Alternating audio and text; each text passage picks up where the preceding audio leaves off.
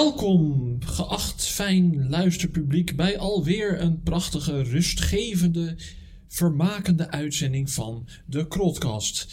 De koude, regenachtige dinsdagavond in Stook onder de podcasts. Dit is de podcast, de leukste podcast. Mijn naam, zoals u van mij gewend bent, is nog altijd J.A. Brown. En vandaag spreken we weer met rechtendeskundige, mediapersoonlijkheid en vakbondslid Ruben Klein. Goedemiddag. En eh, goed dat je er weer bent, Ruben. Leuk je weer te zien. Eh, verder naast mij aanwezig ook en nog steeds herstellende van een lichte buikgriep. Mijn gezellige, fijne, mooie, lieve, aardige, korte, krachtige, briljante, charmante assistente Annemieke Duivenstein. Hoi Jack, dat ben ik. Hoi Annemieke, ook leuk dat jij er ook weer bent.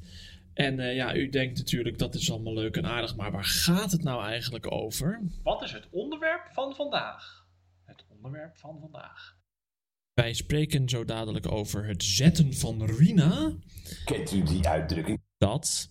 En we blikken terug op een onderwerp wat eerder in de Krotcast voorbij gekomen is, namelijk crypto. En een bepaald soort personen dat daar interesse in heeft. Ik noem geen namen. En tot slot geven we nog een flinke draai aan het rad van onderwerp. Maar dan nu eerst het zetten van Rina met Ruben Klein. Eh, wat is dat eigenlijk, Ruina, bij, wij, bij wijze van eh straattaalwoord van de week? Nou, het woord Ruina komt uit het Marokkaans. En volgens de Berberoloog, dat is iemand die Berbertalen onderzoekt, Maarten Kosman, verwijst het naar een onoverzichtelijke, lawaaiige situatie. Het wordt ook wel eens in het Nederlands vertaald met chaos. En eh, bij mij op school werd het wel eens rellen genoemd. Gewoon eh. En ruïna, dat zet je dus, maar je kunt het ook leggen of klappen of andere, andere werkwoorden. Dit zou wel eens de etymologische oorsprong van het woord ruïne. Nou nee, dat is dus niet zo. Oh. Dat, zegt, dat heb ik ook eh, gelezen, want ik heb even mijn huiswerk gedaan. Ontkracht dit voordeel. Ja, het, eh, het, de, de overeenkomst tussen het Marokkaanse ruïna en het, het Nederlandse ruïne, wat uit het Latijn uiteindelijk komt, dat berust geheel op toeval. Aha. Het, Dat is ik geloof dat de letterlijke betekenis iets, iets van opschudden of door elkaar husselen. Hmm. Maar goed, Maar dat is een ruïne toch ook? het- ja, het- het- Maar dat is zuiver toeval. Zuiver toeval. Nou, mooi. Eh, daar kunnen geen rechten aan ontleend worden. Nee, dat zal ik dan maar noteren. Voor het geval dat je... Ja, Ja, ik steek even een vinger op omdat ik iets wil zeggen. wil jij iets zeggen? Ja, waarom heb je dit onderwerp vandaag gekozen, Jack? Ja, goede vraag. Oh, wat een leuke vraag! Goede vraag. Eh, dat is dus inderdaad eh, een onderwerp wat ik voor deze uitzending gekozen heb. En wel hierom. Eh, als het gaat om het zetten van Rina, dan sta ik bekend als iemand die daar eigenlijk niet zonder kan. Het lijkt wel of ik een ziekelijke neiging heb tot het alsmaar weer zetten van Rina. Het houdt niet op, niet vanzelf. Precies. Ja, kan je ook niks aan doen verder. Nou ja, het lijkt wel of dat op een of andere manier bij mijn persoonlijkheid hoort. Annemieke, jij weet daar alles van. Ja, ja, zeker. Maar ik twijfel daar nog wel een beetje aan. Of dat nou echt bij jouw persoonlijkheid wordt of niet. Het lijkt er wel op, maar aan de andere kant... Ik ben een beetje thuis opgevoed met het idee van eh, niet aanstellen, schop onder je hol en doorgaan. En ik weet dus niet of het bij jou nou echt in je persoonlijkheid zit, in je karakter... en dat we er echt niks aan kunnen doen. Of dat je een soort growth mindset kan hebben, hoe we dat noemen in de psychologie. En dat je dus echt het idee hebt van... nee, ik kan veranderen, ik kan groeien. En als ik, Ik echt kan wil... Rina zetten. Nee, ik, als ik echt wil, dan kan ik dat Rina zetten. Ehm, Dit wat, dit wat ik nu aan het doen ben, is Rina zetten. Hè? Dat, dat Maar heb je misschien nog meer voorbeelden van keren dat jij Ri- Rina hebt gezet? Ja, momenten waarop Jack Rina gezet heeft. Nou, ik herinner me bijvoorbeeld nog een eh, dag op het werk. Dat was nog eh, bij het oude bedrijf Codition. En eh, het Kent was- u dat bedrijf? Kent u, kent u dat bedrijf? De- ik, was, ik was aan het. Het was dinsdag en we dronken na het werk nog even een biertje met de boys. Gewoon, ik, ik heb daar met een aantal vrienden gewerkt en eh, wij vonden het gezellig. Wordt het toch nog gezellig? Precies dat. Na werktijd nog even. Hier wordt gewoon ook Rina gezet in de Ja, uitzending. dit is één grote ruïne waar ik in terecht ben gekomen. Ja, Leuke over. Zal ik je verhaal nog wel laten afmaken of zal ik gewoon uit deze uitzending weglopen? Ja, dat, kan ook. Dat kan ook. Nou, dat doe ik dan wel aan het eind om jou ook even een podcast te gunnen. Oké, top. Ga door met je verhaal, Ruina. Kut, het gaat helemaal mis. Wij hadden een aantal biertjes gedronken na het werk. Eh, er werd geschaakt. En op een gegeven moment kwam de algemeen directeur even langs, gewoon om even hallo te zeggen. En het schijnt dus, ik heb er geen actieve herinnering meer aan, nou ja, niet echt gedetailleerd, maar het schijnt dat ik eh, daar heel nuchter en netjes met mijn, met mijn aangeschoten harses gezeten heb en met die algemeen directeur een heel gesprek heb gevoerd. en wat mij betreft deed ik niks fout, maar volgens mijn vrienden kon je wel merken dat ik in kennelijke staat was. Dus dat heeft die algemeen directeur waarschijnlijk ook gemerkt. Daarna heb ik nog buiten voor het kantoor ergens op een, een steen gelegen, even tijdelijk om bij te komen. En Nou, liever erop dan eronder. dat is zo, maar uiteindelijk besloten mijn vrienden toch dat het beter was om mij niet meer op dinsdagen wat te laten drinken. En zeker niet op kantoor. Wauw. Oké, en, en Ruben, heb jij ook momenten waarop je Ruina hebt gezet? Ja, daar ben ik ook naar. Ja, ik, ik heb er ook een soort eh, natuurlijk talent voor om dat te doen. Oh, Ik weet nog, eh, dan ga ik gelijk een heel gevoelige anekdote vertellen. En als ik dan bij potentiële werkgevers nou niet meer word aangenomen, dan daarom zei ben dat ik maar zo. pseudoniem. Dan, goed zo, dan zei dat maar zo. Ruben Klein. Ja, ja, ja. Kent u die naam? Niet aannemen, dat gaat fout. Vertel. Ehm, maar dat, toen was ik een jaartje of, eh, of 18. Ik had een feestje gehad en eh, nou ook ongetwijfeld veel te veel gedronken. In elk geval in volumezin, want mijn blaas zat helemaal vol. Oh. En we waren uit geweest in het dorp waar ik ben eh, geboren en opgegroeid. Ik zal geen namen noemen, maar het is Ede. Gaat u daar vooral niet wonen.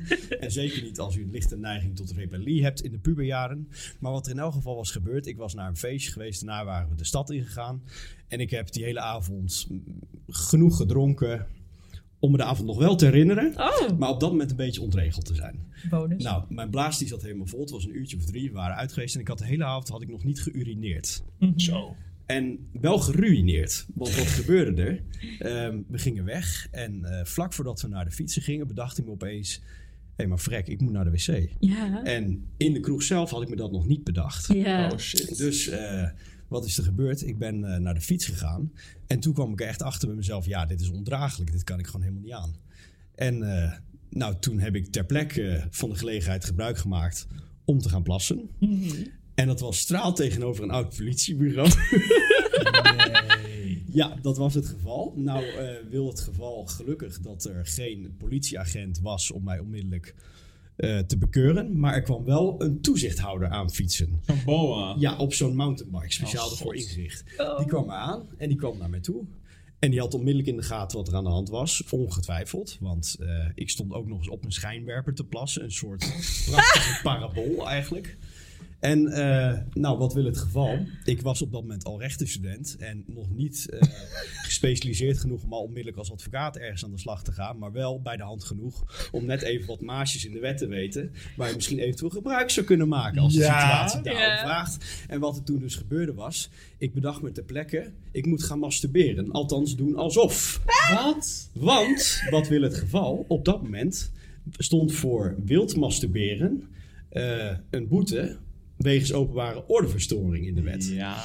En dat was een lagere boete, financieel, dan een boete voor wildplassen. Dus ik dacht, ik doe althans bewegingen die daarop lijken... in de hoop dat dat mij een lagere boete zou opleveren. Maar Wetshandhavers haten deze man. Leer deze ene juridische truc. En toen dacht ik bij mezelf, nou, wie weet levert het wat op. Maar dat was niet het geval, want die persoon kwam naar me toe en die keek al gelijk zo van, ja, wat denk je nou zelf? Ik zie gewoon het bewijs van het tegendeel.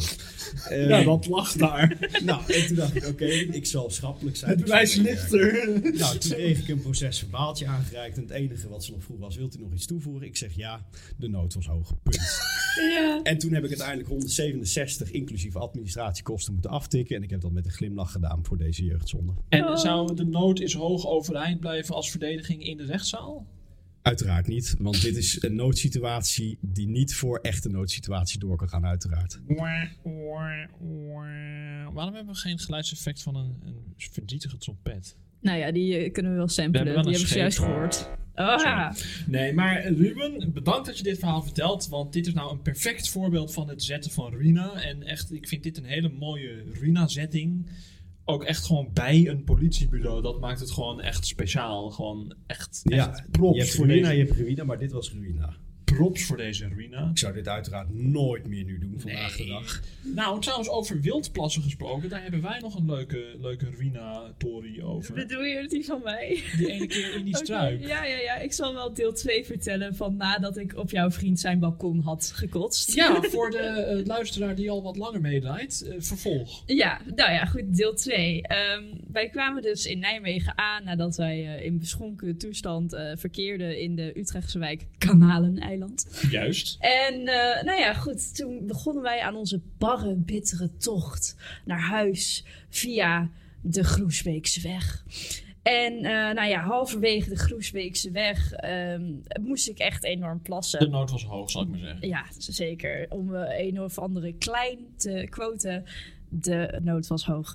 En toen dacht ik, oké, ik ga nu hier in deze struik mijn ja, urine laten lopen. Dus ik ging eh, zitten en ik dacht, oh, wat is die onderbroek toch onhandig. Dus ik dacht, nou, ik doe mijn onderbroek uit. En ik denk dat het achteraf mijn redding is geweest. Want, ehm, nou ja, ik plassen. En ik zie politie aankomen rijden. En ik dacht, kut, nee. En ik was al wel klaar bijna. Dus ik dacht oké, nog even laatste pers, eh, pis eruit persen. En door. En eh, ik doe dat. En ik sta op.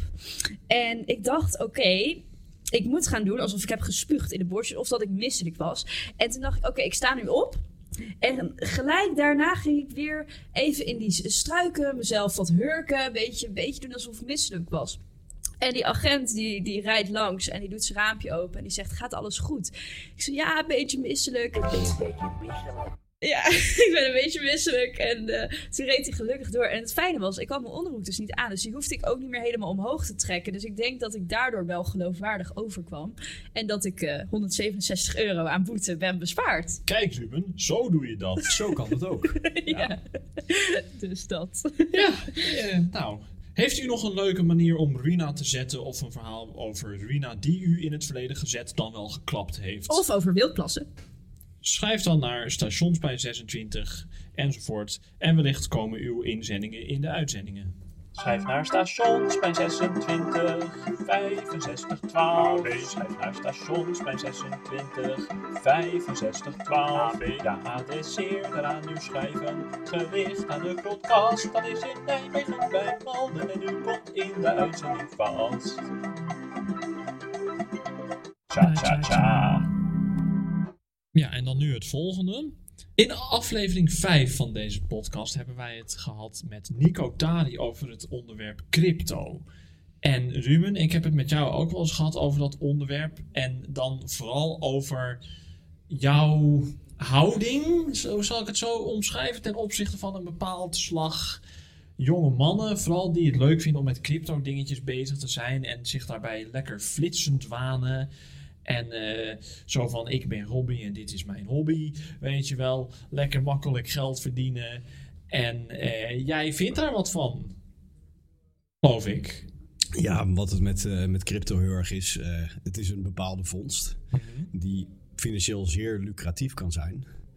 Ehm, het heeft enorme woekerkoersen natuurlijk. Het kan van, op de een op, van de een op de andere dag kan, het, kan je er bij wijze van spreken miljonair voor worden. De andere dag ben je zo arm als een kerkrat als je crypto hebt, om maar even kort te zeggen. Maar het grootste probleem met crypto is dat het als zodanig, de crypto zelf, de coin, Ja. heeft geen intrinsieke waarde. Klopt. Dat, Als in, als het morgen zou verdwijnen, zou een economie even ontregeld zijn, maar zou niet instorten. In tegenstelling tot bijvoorbeeld een koperdraadje, wat altijd een functie zou hebben in onze maatschappij, omdat het stroom geleidt. Juist. En eh, ik heb onvoldoende verstand van crypto om daar een hele verhandeling over te houden of waarom je er wel of niet op zou moeten. Het is gewoon, als je snel geld wil verdienen, kan het snel geregeld zijn. Als je snel verlies wilt draaien, kan dat ook snel geregeld zijn. Maar voor mij is de reden om daar in ieder geval niet al te snel aan te willen gaan. Want als men collectief het vertrouwen opzegt in de crypto, het zij als betaalmiddel, dus als middel, het zij als handelsobject, dan ben je gezien. En ik eh, hou van een risicootje nemen, maar dan liever een ingecalculeerde. En jij, jij verwacht, jij ziet het gebeuren dat die hele crypto op een gegeven moment instort. Nou, de kans is nooit nul. En dat is voor mij al voldoende om mijn handen een beetje ervan af te houden. In die zin van, eh, je bent heel erg afhankelijk van schommelingen. Oké. En die schommelingen die zijn wel dusdanig extreem dat het kan lonen om er een keer goed in te investeren. Dan gewoon een keer winst te pakken, het op tijd te verkopen. Of om het lang aan te houden en dan op lange termijn rendement over te plukken. Maar er zijn voor mij voldoende haken en ogen die mij ervan weerhouden om erin te stappen. Oké, maar ik zou je niet iets soortgelijks kunnen zeggen over gewoon alle aandelen die je op de aandelenmarkt kunt kopen, eh, waar, waar je in kunt investeren, die kunnen ook op een gegeven moment weer kelderen en dan ben je ook je geld kwijt. Of is dat iets anders omdat het te ma- gekoppeld is aan iets in de echte wereld wat eh, functioneel is? Nou, er is een meer directe koppeling met de echte wereld Ja. sowieso. Want het is ook afhankelijk van hoe goed een bepaalde goed of dienst het doet. Ja. En hoe goed het bedrijf wordt geleid. Ehm, maar bij crypto is het, het is letterlijk een dusdanig construct. dat als zeg maar de creators van, de, van dit construct. of degene die gebruik maken van dit construct. hun vertrouwen er collectief in opzeggen. of in elk geval fors laten, laten zakken. dat er enorme acute risico's optreden. En jij als juridisch expert weet dat het dan foute boel is. Nou, niet zozeer als juridisch expert, maar meer een soort van ja, onderbuikgevoel waarin ik mij laat leiden. Ehm, ik hou van risico nemen, maar eh, dit zijn wel heel erg grote risico's. En hoe op hoe grotere schaal je het risico neemt, hoe groter ook het risico dat je van onderuit de zak krijgt. En niet de zak waar je op hoopt, de zak met geld. Nou, dat klinkt als een hele duidelijke en wel overwogen reden om van de crypto af te blijven. Maar ik zie dus vaak bijvoorbeeld op Twitter of zo van die mensen die hebben dan eh, hun profiel helemaal vol met crypto dingen en die noemen Ja. zichzelf dan weet ik veel dit of dat coin expert, crypto trader, weet Ja. ik veel en die die zijn lijken wel de hele dag bezig te zijn met manieren om rijk te worden van die crypto. Van koop nu deze coin en dan word je rijk of zo. En hoe verklaar je dat? Want die hebben dan niet door dat het zo riskant is, of nemen ze dat voor lief? Of hoe duid jij deze ontwikkeling? Er zit een bepaalde hoop in om uiteindelijk veel geld te verdienen. Laten we eerlijk zijn. Ja. Ehm, maar ook een soort eh, gedachte om als je een bepaalde grafiek volgt en daar eh, nou ja, eh, bepaalde trends uit ontleent, dat dat een garantie kan geven voor hoe dingen op de langere termijn zullen gaan. Maar dat kan weliswaar zo zijn. Het kan inderdaad zo zijn dat het morgen super veel waard is en dat je de rendement overtrekt. Maar het fundament dat eronder ligt, blijft het grote risico. Als iemand besluit het tapijt eronder vandaan te trekken, dan is crypto gezien. De kans dat het gaat gebeuren is heel klein. Ehm, ik denk dat het uiteindelijk wel cryptocurrency blijft een onderdeel van deze samenleving. Maar het enkele gegeven dat er een kans is dat er een, een tapijt onder de voeten vandaan wordt getrokken, is voor mij persoonlijk voldoende reden om er in elk geval zelf niet mee in zee te gaan. En mocht het al een keer voorkomen, met grootste calculatie. Ja, maar eh, wil jij wat zeggen? Ja, maar ik zat ook te, eh, te denken, volgens mij was een tijdje... ehm, eh, wij hebben iemand in het studentenhuis en eh, hij, eh, zijn hobby is dus crypto. En volgens Ik mij, wil geen namen.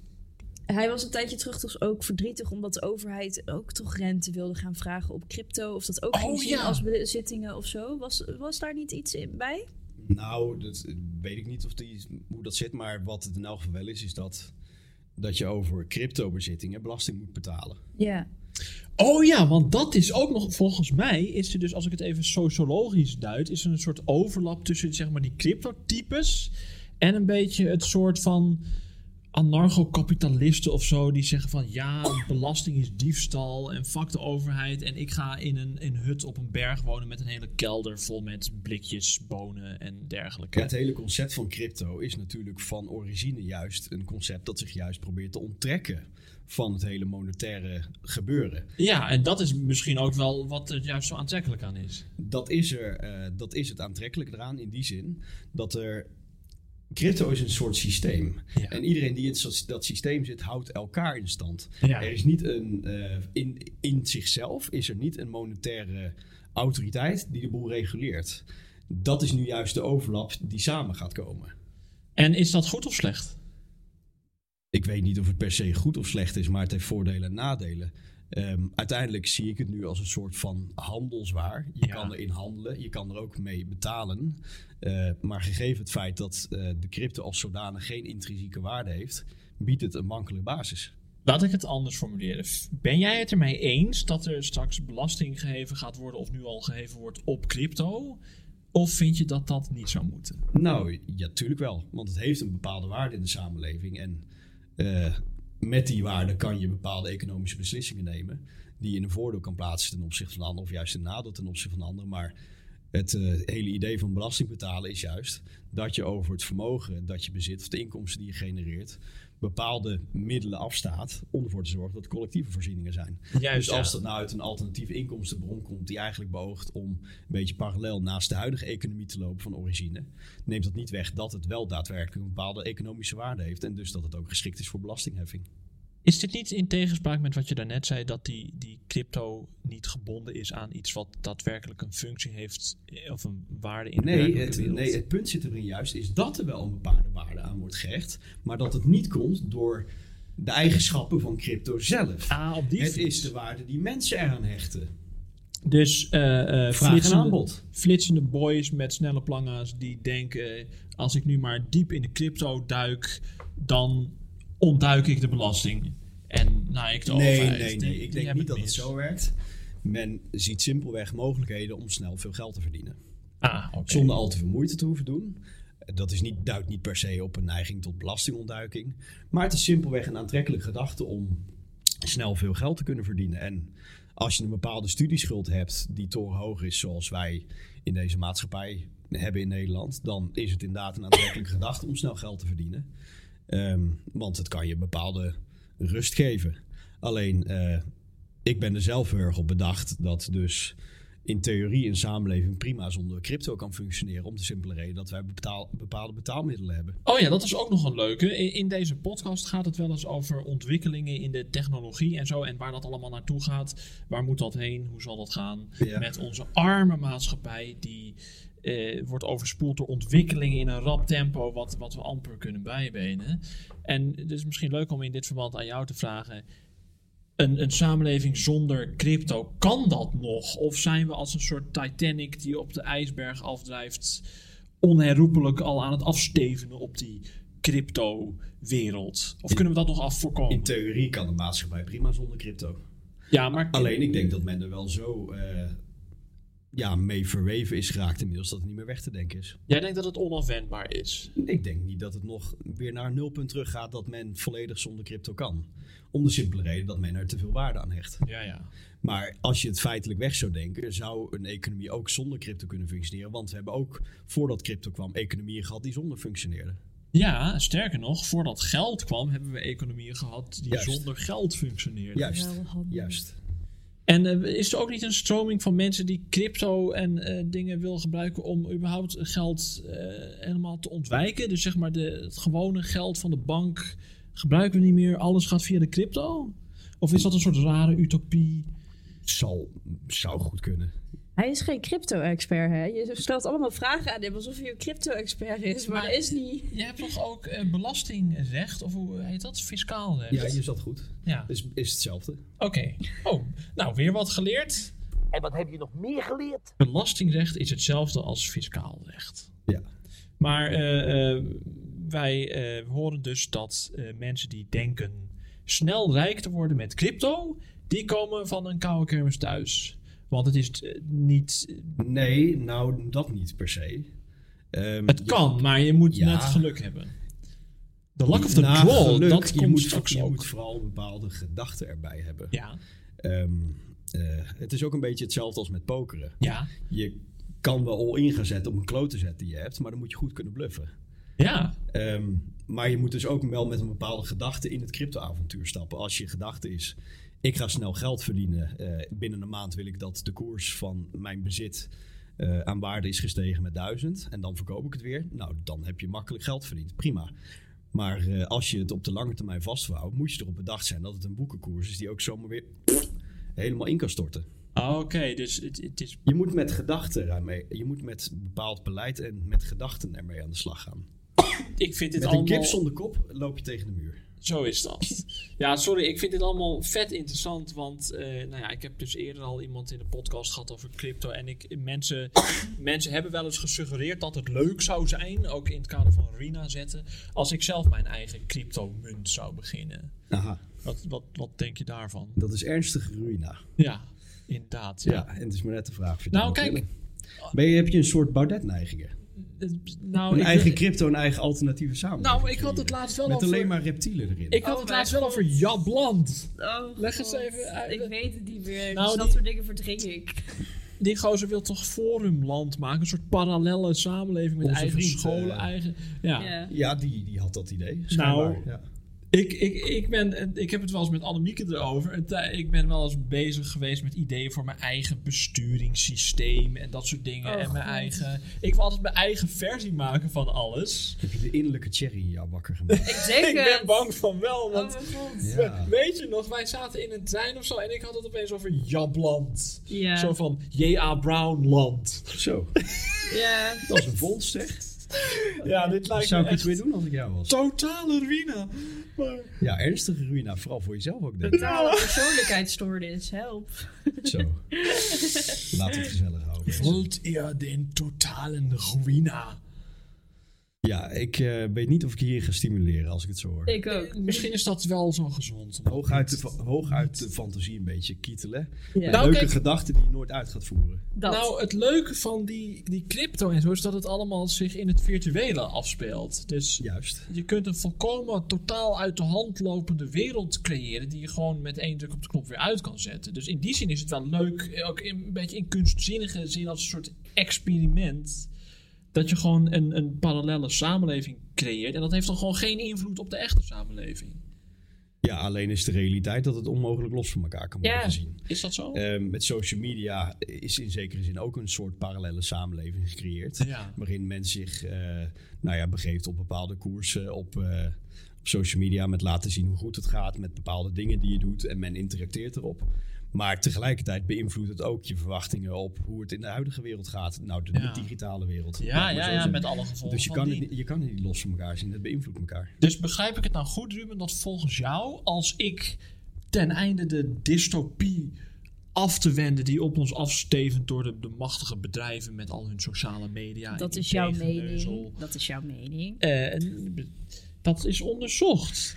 Oké. Stel je vraag, podcast host. Is jouw mening, Ruben, dat als ik in een poging om die techno-futuristische dystopie af te wenden, mijn eigen betalingsmiddel ga maken en mijn eigen eh, besturingssysteem en eh, allerlei mijn eigen sociale media, Fesonet, eh, dat het dan eigenlijk juist nog erger naar de kloten gaat daardoor? Dan zeg ik, David weet wanneer u wel en wanneer u niet Goliath aan moet vallen. Een weloverwogen gedachte van Ruben Klein. Eh, maar ja, dat, dat zou natuurlijk wel een vorm zijn van totale ruïna. Dat het dan eigenlijk in de praktijk grandioos Ja, het misgaat. past volledig in jouw definitie van ruïna. Nou, dat vond ik wel Maar leuk. is dat, is dat jouw doel in het leven? Ruïna zetten? Nou, kijk, ten goede. Maar het kan dus ook ten kwade uitpakken. Mhm. En eh, eh, nee, kijk. Wat, wat ook wel in verband wordt gebracht met ruïna, eh, door mij, is het begrip ontregelen. Hè, Je Ja. hoort wel eens van bijvoorbeeld kunstenaars die willen ontregelen. Of allerlei, allerlei mediaplatforms met een beetje een ander geluid. Dit, dit is on- heeft een ontregelende werking. En nou ja, je moet natuurlijk niet de hele samenleving compleet ontregelen. Want dan heb je totale chaos. En dat is niet zo goed. Maar af en toe een klein beetje ontregeling. Een beetje de gevestigde orde opschudden. Ja. Wat jij misschien zelf ook een beetje doet. Je vertelde daarnet in de pauze dat eh, jij bent wel eens naar de Binnenhof geweest of zo. Om de regering een beetje op te, op te fokken. ja, in mijn student zijn een poging doen om het studentenbelang in het oog te houden. Ja, Precies. Dus het, het, het ontregelen kan ook juist eh, eh, hoe Een functie dienen. heilzame gevolgen hebben. Nou ja, eh, elke revolutie, hoe groot eh, of hoe klein ook, is niet met gebabbel gebeurd.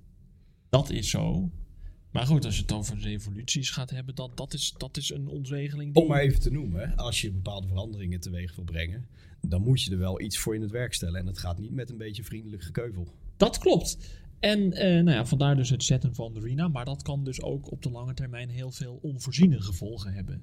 Ja, voor de luisteraar misschien ook even goed om te vermelden. Hier worden geen complotten gesmeed op dingen. Uiteraard niet. Uiteraard Het is ook wel niet. fijn dat ik dat nu weet, want ik snapte het niet meer. Wij hebben ook geen Wij zelf misschien ook niet meer. Kijk Alleen even naar een, de een, podcast een host. kip met een gouden... Hè, wat zeg je? Nee, nee, niks. Ga door met je kip en gouden ei verhaal. Ham. Juist. Ehm Help. Annemieke, Ja, jij hebt vorige aflevering al gezegd waar je hinder van ondervindt. ja, Maar er is nog iets anders waar jij hinder van ondervindt, toch? ja zeker. En wat was dat ook alweer? Ik ondervind hier hinder van. Ik ondervind hier hinder van. Ik ondervind hier hinder van. Ik ondervind hier hinder van. Waarvan ondervindt Annemieke Duivenstein vandaag hinder? Ja, nou, het is even een verhaaltje, maar ehm, ik heb altijd... Kort graag. Nee, ik ga even mijn tijd nemen. Anyway, ik heb altijd. eh, ik eh, heb altijd periodes dat ik de Sims speel. En soms kan ik daar dan echt wel weer uren in verdwijnen. En nu eh, had ik dus op mijn nieuwe laptop de Sims geïnstalleerd. eh, waar ik het normaal altijd op mijn computer speel. En op mijn computer had ik het eerst altijd op Origin, maar nu op EA Games. Origin, even voor de duidelijkheid, dat was een soort platform om games mee te downloaden en zo. En om te spelen. En dat was eigendom van EA. ja, Maar EA wel. heeft het eruit geroust ten Ja. faveur van hun eigen platform, wat ze ook al hadden, EA Games. Ja, dus nu speel ik op het EA Games platform en nu speel ik de Sims 4. Maar waar ik het eerst altijd in het Nederlands speelde, moet ik het nu in het Engels spelen. En ik vind dat vervelend, want dan moet ik de hele tijd nadenken terwijl ik gewoon lekker wil ontspannen en rustig de Sims wil spelen. En dat komt doordat EA Games. Nee, dit geen- komt door de Sims 4. Nee. Nee, jij bent het altijd op die firma's aan het betrekken en op meten en zo, maar dit is gewoon, dit ligt Nee, aan de het heeft Sims niks 4. te maken met Meta, met EA. Ja, maar toch, je bent altijd helemaal firma's aan het aanvallen. Maar nu, Maxis, kent u die nu ligt het aan de Sims. Ruben, speel jij wel eens de Sims? Ik speel niet de Sims en ik heb dat ook nog nooit gedaan. Het wordt gratis, hè? Vanaf oktober kan je het gratis downloaden. Sims 4, voor iedereen. Oh ja? Ja, ja, ja. Oké. Echt leuk. Ja, Goed. ik hoor het. En dan wilde ik deze uitzending zo langzamerhand weer richting het onafwendbare einde douwen. Maar niet voordat we zijn gekomen aan het volgende onderdeel. Het gaat van onderwerp. Ja, het rad van onderwerp. Ruben, eh, wij hebben eigenlijk altijd, voor het geval dat we een keer niet weten waar we het over willen hebben in een uitzending, hebben wij een, een, een groot rad gemaakt. Zeg maar. Je kent toch het, het rad van Fortuin? Absoluut. Ja, je geeft er een slinger aan en dan komt eruit of je X. X hebt gewonnen of dat je naar de kloot gaat. En eh, nou, op dezelfde fiets hebben wij het rad van onderwerp, waar een aantal onderwerpen in staan. En eigenlijk hebben we het nog niet echt gebruikt. Nee, dat is heel Ja. jammer. Maar ik zie nu ook waarom. Want ik zie een aantal onderwerpen dat ik echt denk van... waarom de fuck staan die daarop? Nou, omdat het waarschijnlijk een interessante podcast zou opleveren. Oké, nou ja, fruit. Eh, dus ik dacht, misschien is het wel leuk voor het luisterpubliek en voor jou ook als we eh, zeg maar live tijdens deze opname een, eh, een, een slinger eraan geven. Hier is dus het. Ik draai even een Een computer. virtuele slinger zie ik. Ja, Een virtuele eh, slinger. even het geluid aanzetten, want dan krijg je een leuk Nou, slinger erop los. Eh, aan jou de eer. Oh god, wat Oh, moet ik doen? kut, sorry. Paniek. Dit is jee. de, dit Het is gaat alles mis. Oh. Ik zal mijn microfoon meebewegen voordat het ook weer naar de... knippen dit wel. Dit is de muisknop. Kan je erbij? Ja, mooi. Hij draait. Hij draait. Ik hoor niks. Moet je oren open doen. Wat? Wat is het onderwerp geworden? Bewustzijn. Bewustzijn. Wat een mooi onderwerp. Nou, lieve mensen, aan ons de eer om nog enkele minuten over het onderwerp bewustzijn te discussiëren. Help. Nou. heb jij een mening of een, een idee over het onderwerp bewustzijn? Ja, welke richting wil je op? Geef maar een slinger nog een keer. Oh, ik weet het wel. Ik ja? weet het wel. Vertel. Ik kan mijn favoriete filosoof vertellen, want die heeft heel mijn bewustzijnsprobleem opgelost. Had jij een bewustzijnsprobleem? Ik had een bewustzijnsprobleem, want ik, was, eh, ik, ik volgde filosofie op het De Paus Lyceum. Ja, en, in Roosendaal. in Roosendaal, niet nader te noemen. En eh, nou ja, goed. Ik merkte dus eigenlijk dat ik best wel erg eh, soms in paniek kon raken. Omdat ik zoiets had van ja, je kan nergens zeker van zijn. Je weet niet wat er allemaal bestaat in de buitenwereld. En na een tijdje ging ik zelfs aan mezelf twijfelen of ik, niet, of ik wel bestond. En of ik niet in de Oh. Matrix leefde, et cetera. En toen uiteindelijk, toen kwam daar op een geweldige dag de les van Descartes. En Oh shit, daar gaan we weer. nou, Descartes heeft één uitspraak gedaan waar ik heel erg blij mee ben. En dat is zijn wel bekende uitspraak: cogito ergo sum. En dat betekent ik denk dus ik ben. Kortom, je kan nergens zeker van zijn, behalve dat er iets is dat denkt en dat ben jij zelf. En dat, nou, dat is het enige wat ik weet. Dank u. Mic drop. Descartes was hij ook niet van het bekende Cartesiaanse dualisme tussen lichaam en ziel. Zeker. Hij dacht dat je honden en zo wel levend kon opensnijden, omdat ze toch geen ziel hadden. Dat is echt zo naar, maar inderdaad, hij dacht dat dieren geen pijn konden voelen. En ik vind dat nog steeds heel dom van hem. Ja, maar dat heeft wel rechtstreeks verband met zijn cogito ergo sum. Ja, oké, maar zover ga ik er niet op in. Je hebt er gewoon inspiratie uit ontleend. Ja, dat. Ja. En jij, Ruben? En jij, Ruben? He- heb jij? Ben jij je bewust van het feit dat je... Ik ben mij bewust van het feit dat ik bewust ben Aha. als mens. Nee, het is, eh, ik kan er allerlei eh, filosofie op loslaten, maar voor mij is bewustzijn eigenlijk een vorm van in het leven staan en proberen alles wat op je afkomt positief te benaderen. Niet alles als een soort van. Soms, eh, omdat wij gewoontedieren zijn, ontkom je er niet aan om dingen op de automatische piloot te doen. Ja, Maar op het moment dat ik bijvoorbeeld. dat is dat limbische systeem, hè? Ja, ehm, op het moment dat ik bijvoorbeeld met jullie aan het praten ben, probeer ik niks anders te doen dan met jullie te praten. Ja. Gewoon om te genieten en met jullie bezig te zijn. Hetzelfde geldt als ik in een restaurant ben bijvoorbeeld. Dan heb ik het liefst gewoon helemaal geen telefoon bij me. Omdat Ja. ik het erg hinderlijk vind om door allerlei trillingen en wat dan ook te worden afgeleid. Ik neem alleen een telefoon mee naar een restaurant als ik weet dat ik met iemand moet zitten. Waarvan ondervindt Ruben Klein vandaag hinder? Nou, van dus van mensen die dat niet echt hebben. Die dus ook bezig zijn met allemaal duizend dingen tegelijk. Same, Terwijl je probeert contact te hebben met iemand. Echt duizend procent mee eens. Precies, en dat is een beetje mijn manier van proberen bewust te leven. En ja, verder. eh, ik denk dat als je zo'n instelling hebt, dat je in principe niet snel een verkeerde richting opvliegt.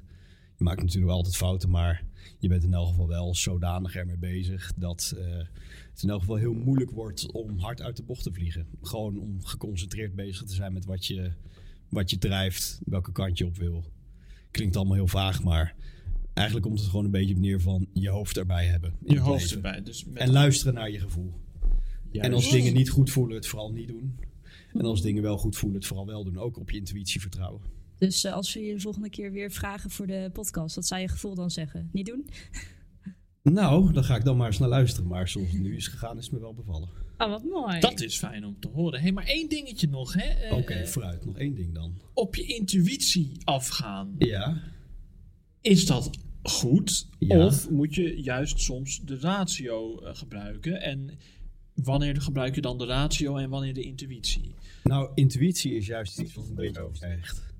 Dat, dat vind ik ook. De, de, het hele feit dat wij überhaupt de ratio hebben, dat is helemaal genesteld in een systeem van intuïtie en emotie. Ja, kijk, ehm, nadenken is heel goed om Ja. bepaalde dingen te doen. Dat Ja. je dingen overdenkt en dat je probeert ergens consequenties van in te zien. Of die nou positief of negatief zijn. Maar soms heb ik juist meer een gevoel van... dit is een richting waar ik gewoon naartoe moet, punt. En dat en dan, voel je dan. dan. Dan check ik dat wel even mezelf. Maar dan denk ik gewoon van...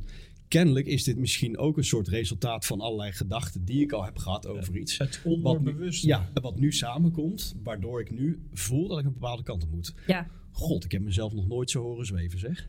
Maar, Oh. Nee, ik ehm, kan het heel goed volgen. ik snap dit, ik snap dit. Ik heb dat ook heel vaak. Vaak denk ik van, oh, ik heb echt geen zin om dit nu te doen of daarheen te gaan. En dan denk ik, ja, nee, ik moet daarheen. Dat is echt het lot. En dan die avond gebeurt er ook heel vaak iets. Dan ontmoet ik weer nieuwe mensen of zo. En dan denk ik, oké, Ja. echt goed dat ik ben gegaan. Nee, soms, nee, je kan er dan inderdaad een gevolgtrekking uittrekken van, oh, kennelijk heeft het zo moeten zijn. Ja, Voor dat- mij is het een soort, het geeft een gevoel van veiligheid om gewoon op je gut feeling te vertrouwen. Ik heb vaak genoeg momenten in mijn leven gehad dat ik achteraf denk, oh, het heeft me niet teleurgesteld, dus kennelijk zit er iets in. Ja. En over iets nadenken is natuurlijk altijd goed, maar je denkt eigenlijk, je bent continu bezig met dingen nadenken en te verwerken, ook al ben je niet bewust met je gedachten bezig. Ergens ben je altijd een beetje gericht op jezelf in een goede positie, veilige positie brengen en te handhaven.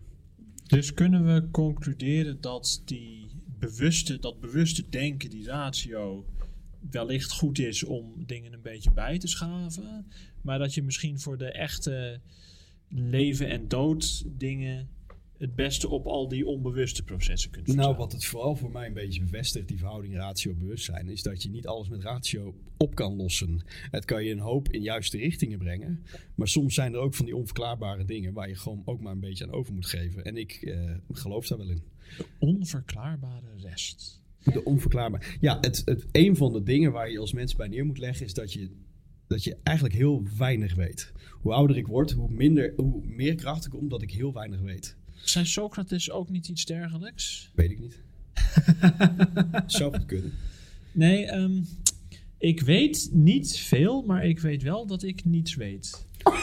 Wat mooi. Ja. Nou, dat, eh, nou dat, kan, dat, dat onderschrijf ik in die zin eh, dat ieder mens zichzelf geneigd is te overschatten.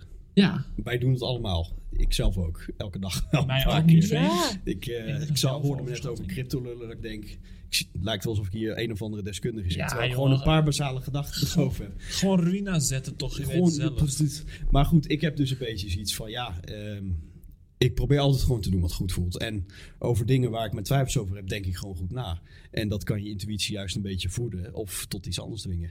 De, de ratio geeft de voorzet en de intuïtie kopt hem in, zeg maar. Ja, of andersom. Precies. Nou, dat lijkt mij een prachtige afsluiter. Vergeet ons vooral niet te volgen op de Krotcast Instagram en ons 5 sterren te geven op Spotify. Ja, en vergeet ook niet te storten op die eh, inzamelingsactie van mij. Want ik zoek nog steeds 2 miljoen euro om mijn voormalige werkgever Codition te kopen. Help. Oh jee. En tot nu toe hebben we hoeveel euro opgehaald? Dat weet ik nog niet, want dit wordt pas over twee weken. Misschien moet je in crypto gaan investeren. Dat dan in één keer dat woekergeld naar je toe komt. Het antwoord was 17. Ik vind het een goeie. Coinition binnenkort bij J.A. Brown. Wordt vervolgd. Eh, nou, beste mensen, eh, volgende week dus de carnavalsthema-uitzending. En daarmee moet u het weer doen voor dit seizoen. Alaaf. Nog niet, schat. Oh, Mag ik u heel erg danken, mag ik jou heel erg danken, Ruben Klein, dat je ons hebt verblijd met je leuke eh, en interessante meningen en gedachten over verschillende onderwerpen. Dat is leuk. Graag Ja. gedaan. Mag ik jou danken, Annemieke, voor je toegewijde hulp, zoals iedere keer weer, en assistentie. dank je. Ik heb echt, echt, echt een vijfde van dat hoestrookflesje volgens mij gehad om hier te kunnen dat praten is zonder goed. te Dat is hoesten. goed voor je bewustzijn. Waarvoor pet je af? Dan, Dank je. Ja, dan inderdaad. bereik je een andere bewustzijnstoestand. Ja, zeg dat wel. Ehm, Ja. Nou, tot slot nog het volgende. eh, eh, ik dank het luisterpubliek ook weer voor het luisteren. En een van hen is weer de luisteraar van de maand geworden. En de luisteraar van de maand Is mijn moeder. Love you. oktober is geworden Jesse Bos uit het mooie onafhankelijke Beekberg. Alweer? Doe ze de groeten daar, Jesse. En eh, laat je vooral niet plat rollen door de Trekkers. Apeldoornse overheerser. Dit was de Krotkast. Tot volgende week. Dit is de podcast, de leukste podcast. Ja, ho- hoest er nog even lekker doorheen, joh, kan mij het schelen. Hoe is het nou? En tot die tijd een spannend muziekje.